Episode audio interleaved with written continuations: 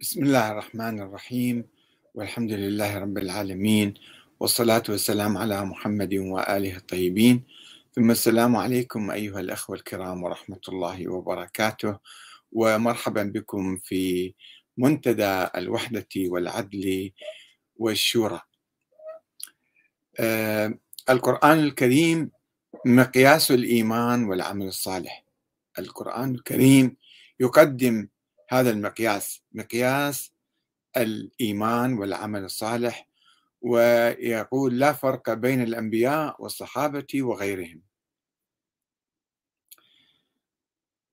آه، شكلت قضية الموقف من الصحابة والغلو أو التقصير بحقهم وكذلك الموقف من أهل البيت الغلو أو التقصير بحقهم.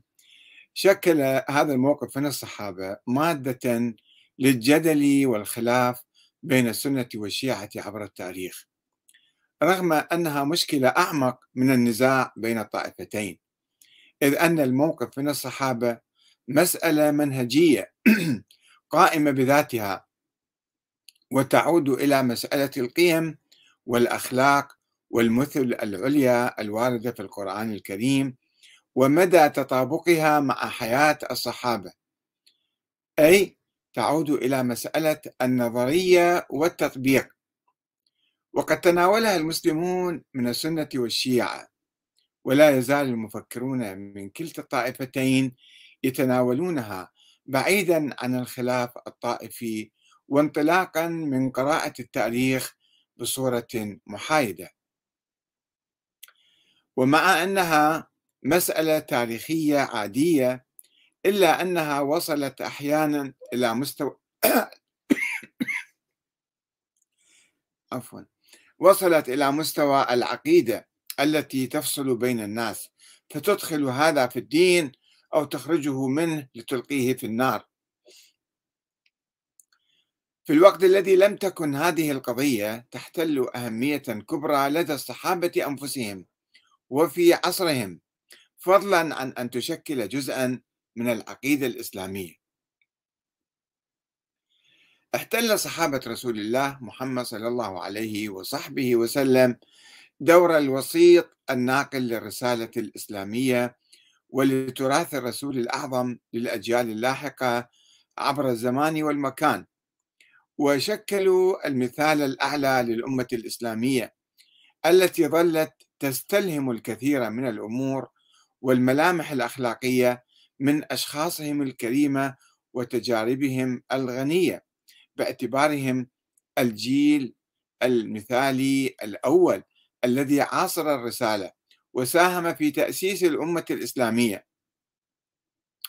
وقد استحق الصحابة لعظم جهادهم أن يمدحهم الله تعالى في كتابه الكريم في أكثر من موضع حيث قال كنتم خير أمة أخرجت للناس تأمرون بالمعروف وتنهون عن المنكر وتؤمنون بالله. آل عمران 110 وقال تعالى والسابقون الأولون من المهاجرين والأنصار والذين اتبعوهم بإحسان رضي الله عنهم ورضوا عنه وأعدهم وأعدهم وأعد لهم جنات تجري تحتها الأنهار خالدين فيها أبدا. ذلك الفوز العظيم. التوبة 100 وقال أيضا لقد رضي الله عن المؤمنين إذ يبايعونك تحت الشجرة فعلم ما في قلوبهم فأنزل السكينة عليهم وأثابهم فتحا قريبا. الفتح 18 وفي الآية التاسعة والعشرين من السورة نفسها قال تعالى محمد رسول الله والذين معه أشداء على الكفار رحماء, رحماء بينهم تراهم ركعا سجدا يبتغون فضلا من الله ورضوانا. سيماهم في وجوههم من أثر السجود. ذلك مثلهم في التوراة ومثلهم في الإنجيل. كزرع أخرج شطأه فآزره فاستغلظ فاستوى على سوقه يعجب الزراع ليغيظ بهم الكفار. وعد الله وعد الله الذين آمنوا وعملوا الصالحات منهم مغفرة واجرا عظيما. وعد الله الذين آمنوا منهم وعملوا الصالحات وعملوا الصالحات منهم مغفرة وأجرا عظيما. لم يعطيهم كارت بلانش يعني هذه في سورة الفتح 29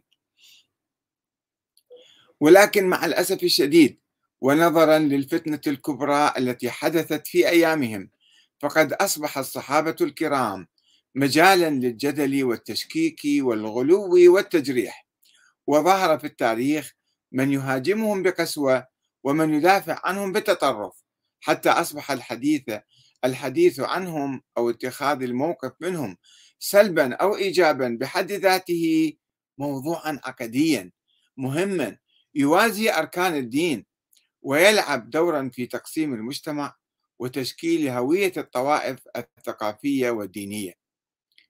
ولذا فإن من المهم جدا بحث موضوع الموقف من الصحابة الكرام لدى السنة والشيعة بكل صراحة وتفصيل ووضع النقاط على الحروف تمهيدا للتخلص من هذا الكابوس الثقيل والتخلص من رواسب الماضي خاصة بعد أن أصبح موضوع الخلاف بين السنة والشيعة نفسه موضوعا تاريخيا لا معنى معاصر له.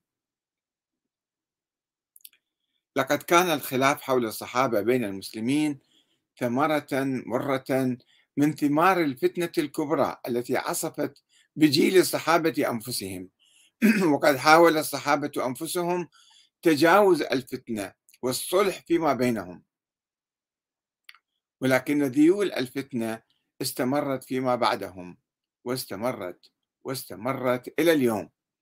ونرجو من الله العلي القدير أن يهب المسلمين الحكمة الكافية للملمة ما تبقى من ذيول تلك الفتنة والتخلص منها ورأب الصدع فيما بينهم.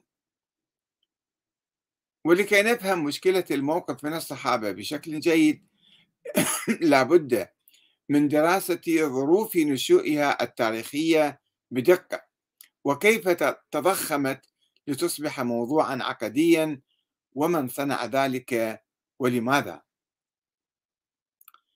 لم يكن الصحابة الكرام ملائكة معصومين ولا أشرارا والعياذ بالله.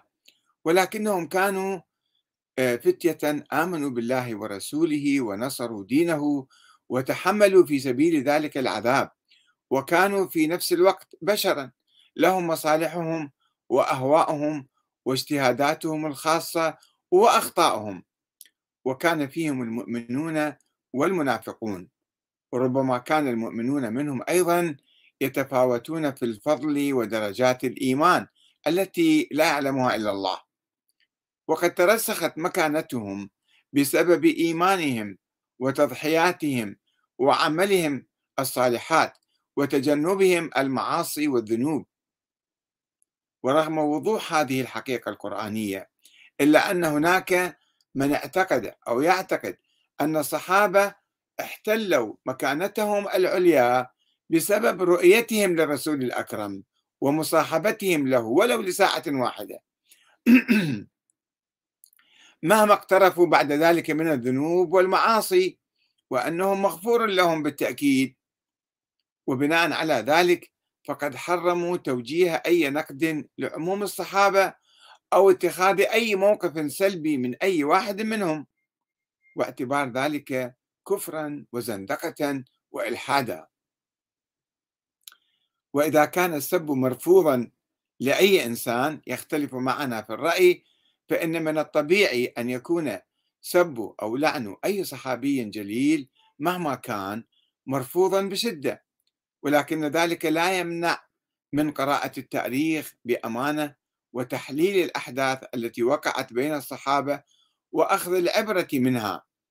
وتعظيم الإنجازات الرائعة والبطولات الباهرة التي قام بها الصحابة الكرام وتجنب الأخطاء التي وقع فيها البعض منهم. فنحن مأمورون باتباع الدين الإسلامي والعمل الصالح والاقتداء بسنة سيد المرسلين ومن يتبعه بإحسان إلى يوم الدين. إن المشكلة في مسألة الصحابة تنبع من المتطرفين من السنة والشيعة. وقيام بعض هؤلاء بالتهجم على خيار الصحابة. وقيام بعض أولئك بالدفاع حتى عن السيئين منهم. هذا إذا كانوا يعترفون بوجود سيئين أو منافقين فيهم. ولو كان الطرفان يتفقان على وجود قاسم مشترك يميز بين الصالحين والطالحين لما كانت هناك حاجة للحديث عن الموضوع ولما كانت هنالك أي إثارة أو توتر حول هذا الموضوع. ومن أجل أن نضع النقاط على الحروف لابد أن نستعرض أولا الرؤية الإسلامية الأولى حول الصحابة ثم نستعرض النظريتين السنية والشيعية ونبين نقاط الالتقاء والاختلاف بينهما. أو نقاط الاعتدال والتطرف لدى الفريقين. أملا في الوصول إلى نظرة مشتركة ومعتدل ومعتدلة توحد بين المسلمين وتزيل ما بينهم من خلافات وأحقاد.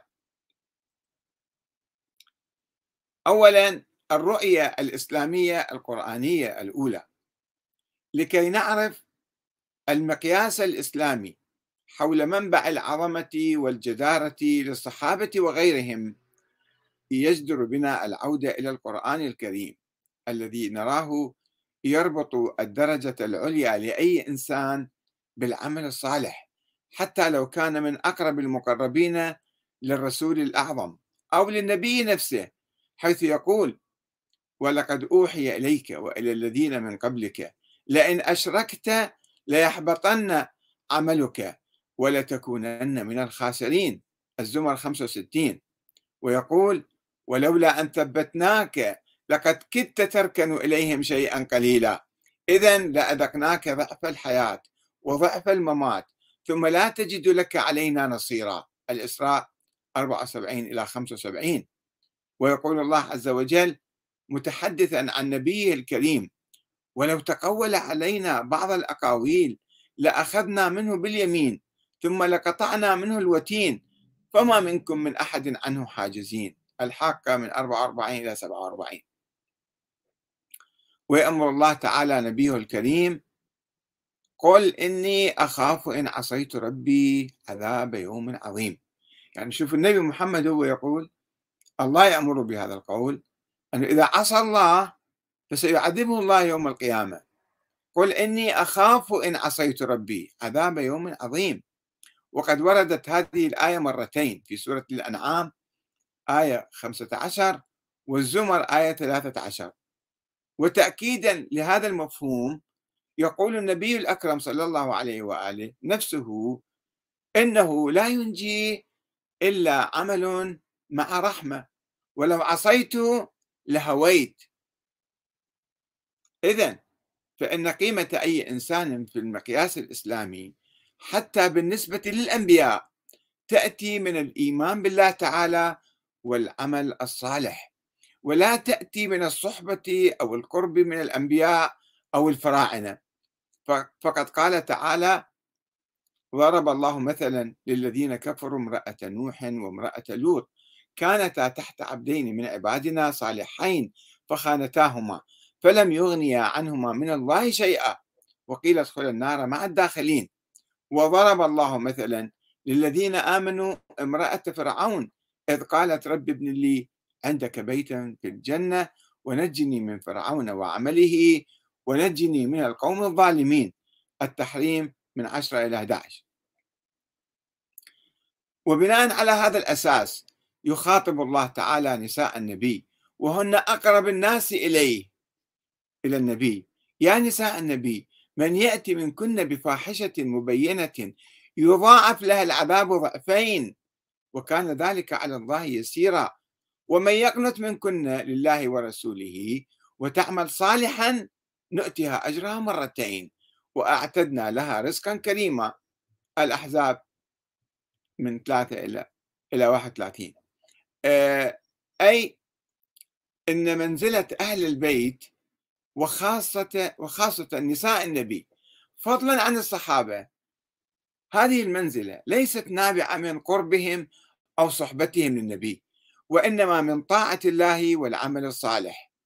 بل إن معصية أهل البيت لله تعالى تستوجب مضاعفة العذاب لقرب أهل البيت من من النبي وسقوط العذر عنهم.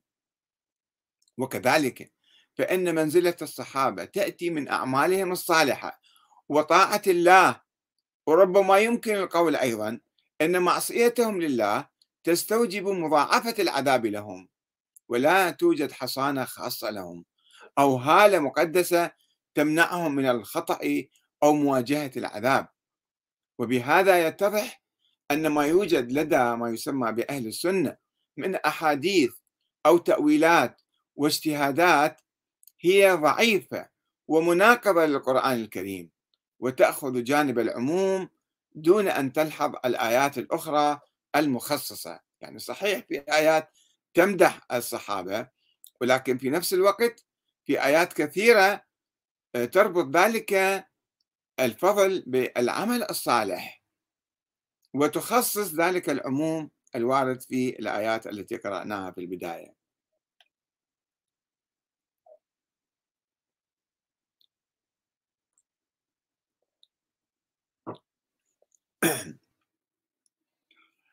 ميزان العمل الصالح.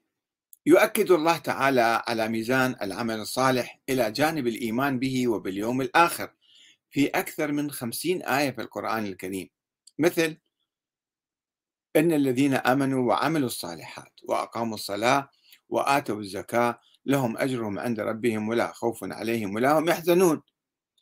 آه، آيات كثيرة يعني آه، فأما الذين آمنوا وعملوا الصالحات فيوفيهم أجورهم ويزيدهم من فضله وأما الذين استنكفوا واستكبروا فيعذبهم عذابا أليما ولا يجدون لهم من, من دون الله وليا ولا نصيرا.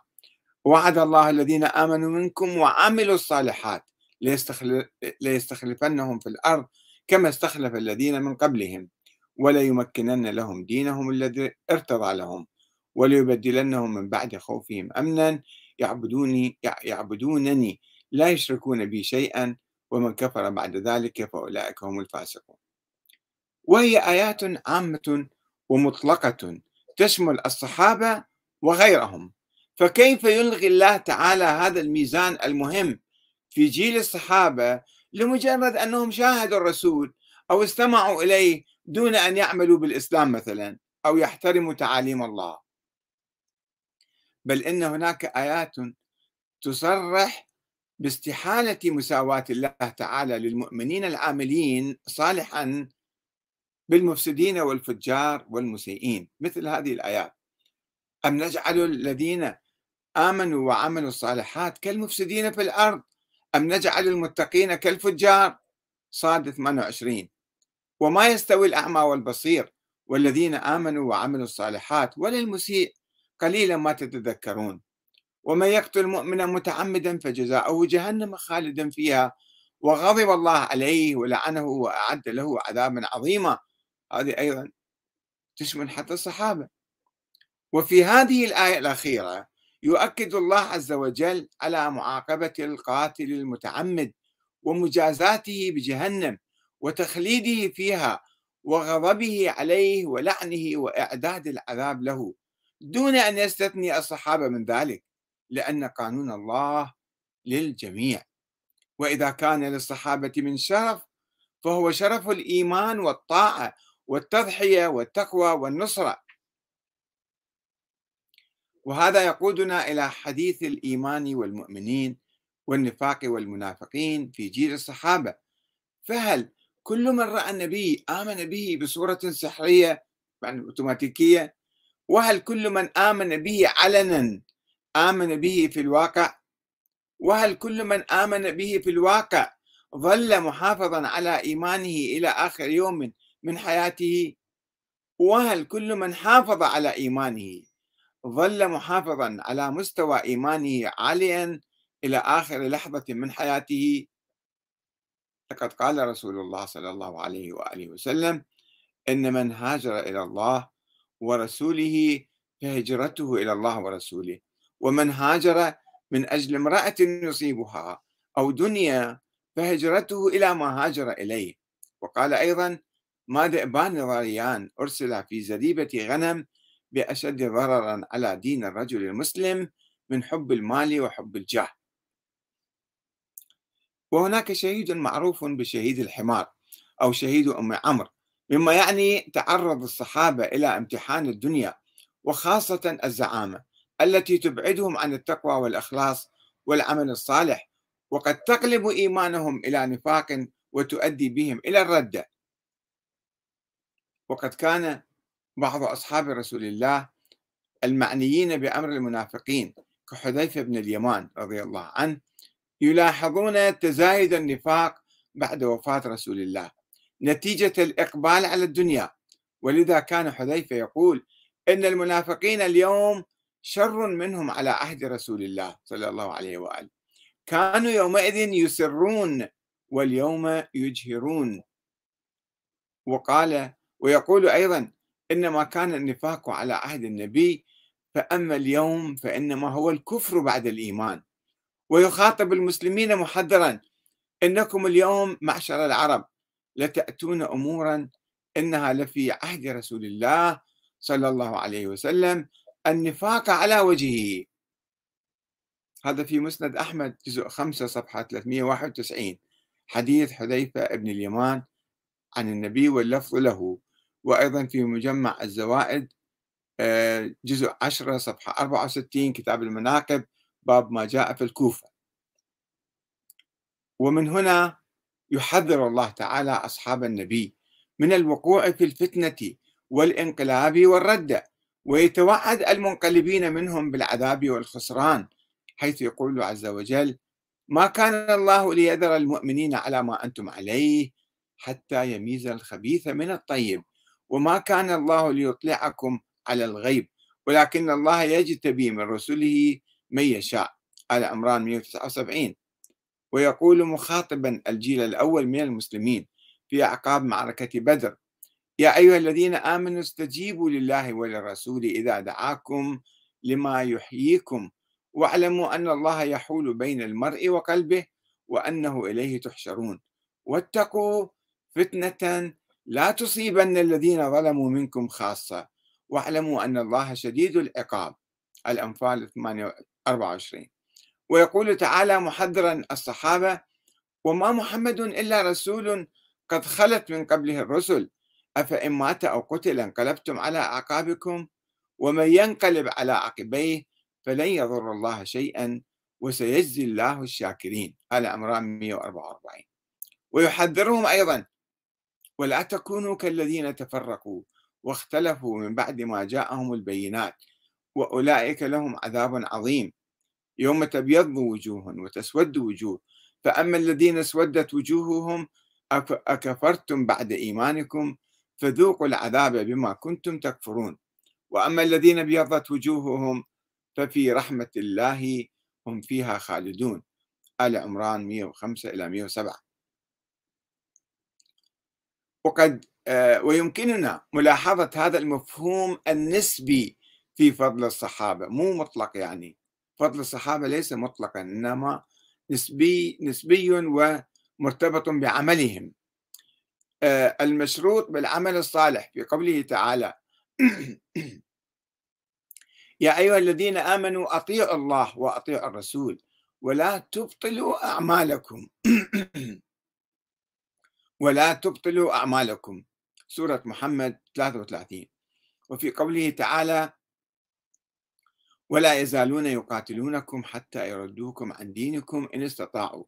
ومن يرتد منكم عن دينه فيمت وهو كافر فأولئك حبطت أعمالهم في الدنيا والآخرة وأولئك أصحاب النار هم فيها خالدون. البقرة 217 وقد حذر رسول الله صلى الله عليه وآله المسلمين يوم العقبة من التفرقة والاقتتال الداخلي والكفر فقال يا أيها الناس ألا أن دماءكم وأموالكم حرام عليكم إلى أن تلقوا ربكم كحرمة يومكم هذا في شهركم هذا في بلدكم هذا. ألا هل بلغت؟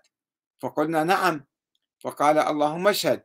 ثم قال ألا لا ترجعوا بعدي كفارا يضرب بعضكم رقاب بعض. هذا أيضا حديث يروي ابن سعد في الطبقات الكبرى. جزء 3 صفحة 206 وقد ذكر البخاري عدة روايات عن الرسول الأكرم في كتاب الفتن. باب ما جاء في قول الله تعالى واتقوا فتنة لا تصيبن الذين ظلموا منكم خاصة حديث رقم 7048 حدثنا علي بن عبد الله حدثنا بشر بن السري حدثنا نافع بن عمر عن أبي مليكة قال قالت أسماء عن النبي صلى الله عليه وآله قال أنا على حوضي أنتظر من يرد علي فيؤخذ بناس من دوني فأقول أمتي فيقول لا تدري مشوا على القهقرة. يعني رجعوا لي وارتدوا حديث رقم 7049 عن آه، فلان قال عبد الله آه، قال النبي أنا فرطكم على الحوض. فليرفعن فليرفعن إلي رجال منكم حتى إذا هويت لأناولهم اختلجوا دوني. فأقول أي ربي أصحابي. فيقول لا تدري ما أحدثوا بعدك. وفي أحاديث أخرى رقم 7050 7051 لا يردن على علي أقوام أعرفهم ويعرفونني ثم يحال بيني وبينهم. فأقول إنهم مني. فيقال إنك لا تدري ما بدلوا بعدك. فأقول سحقا سحقا لمن بدل بعدي. إذا فإن الله تعالى لم يعطي الصحابة شيكا على بياض ولم يعدهم الجنة لمجرد صحبتهم للرسول بغض النظر عن أعمالهم ولم يستبعد عنهم النفاق والشرك والردة وإنما طالبهم بالثبات على الإيمان والطاعة والإخلاص. وبناء على هذا المقياس كان الصحابة أنفسهم يعظم بعضهم بعضا ويقدرون جهاد المجاهدين وطاعة المطيعين في حين أنهم كانوا ينتقدون بعضهم بعضا. لو صدرت من أحدهم خطيئة أو ظنوا أنه اقترف معصية حتى لو كان من أصحاب بدر وأحد ومن السابقين الأولين أو المهاجرين والأنصار. فقد أخرج البخاري إن رسول الله صلى الله عليه وآله قال من يعذرني من رجل بلغني أذاه في أهلي؟ هذه حياة الرسول. فقام سعد بن معاذ فقال يا رسول الله أنا والله أعذرك منه إن كان من الأوس ضربنا عنقه وإن كان من إخواننا من الخزرج أمرتنا ففعلنا فيه أمرك. فقام سعد بن عبادة وهو سيد الخزرج وكان رجلا صالحا. ولكن احتملته الحمية. فقال كذبت لعمر الله لا تقتله ولا تقدر على ذلك. فقام أسيد بن حضير فقال كذبت لأمر الله والله لنقتلنه فإنك منافق تجادل عن المنافقين. واحد يتهم الآخر صحابة رسول الله لأجل لا من بدر وأحد فثار الحيان الأوس والخزرج حتى هموا أن يقتتلوا ورسول الله صلى الله عليه وآله على المنبر فلم يزل يخفضهم حتى سكتوا وسكت. ففي هذه الرواية نجد صحابيا يؤذي النبي وصحابيا يتهم آخر بدريا وفي حضرة الرسول بأنه منافق. وذلك لأن مفهوم الإطلاق عن كل من رأى الصحابة النبي فهو خلص يعني مية بمية صار خوش آدمي هذا. مفهوم الإطلاق لم يكن معروفا لدى الصحابة وإنما كانت نظرة بعضهم إلى بعض نسبية تحتمل ارتفاع الإيمان أو انخفاضه لدى الخطأ أو الانحراف.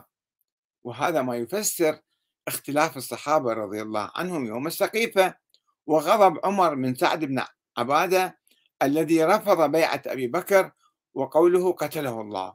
وكذلك قول عمر لخالد بن الوليد بعد قتله مالك بن نويرة ودخوله بزوجته يا عدو الله وإذا عدنا إلى تفاصيل الشورى التي عهد بها عمر إلى أفضل ستة من الصحابة وتأكيده على ضرورة انتخاب واحد منهم حتى ثلاثة أيام وقتلهم إذا لم ينتخبوا أحدا عمر يفتي بقتل الصحابة كلهم ذولا إذا لم ينتخبوا أحدا. أو لم يذعن له الآخرون أو انتخبوا واحد والبقية ما أذعنوا له. فإننا يمكن أن نستنتج قانون النسبية في ثقافة عمر وعدم وجود أحد من الصحابة فوق الخطأ والتقصير أو استحقاق العقاب ومنه القتل. آه، معذرة سنتابع الحديث عن هذا الموضوع عن الفتنة الكبرى. وأيضا آه، تكون النظريات المختلفة حول الصحابة النظريات المتطرفة من هنا وهناك ودور الإعلام الأموي في آه، التغطية على المنافقين وموقف المعتزلة من الصحابة. والسلام عليكم ورحمة الله وبركاته.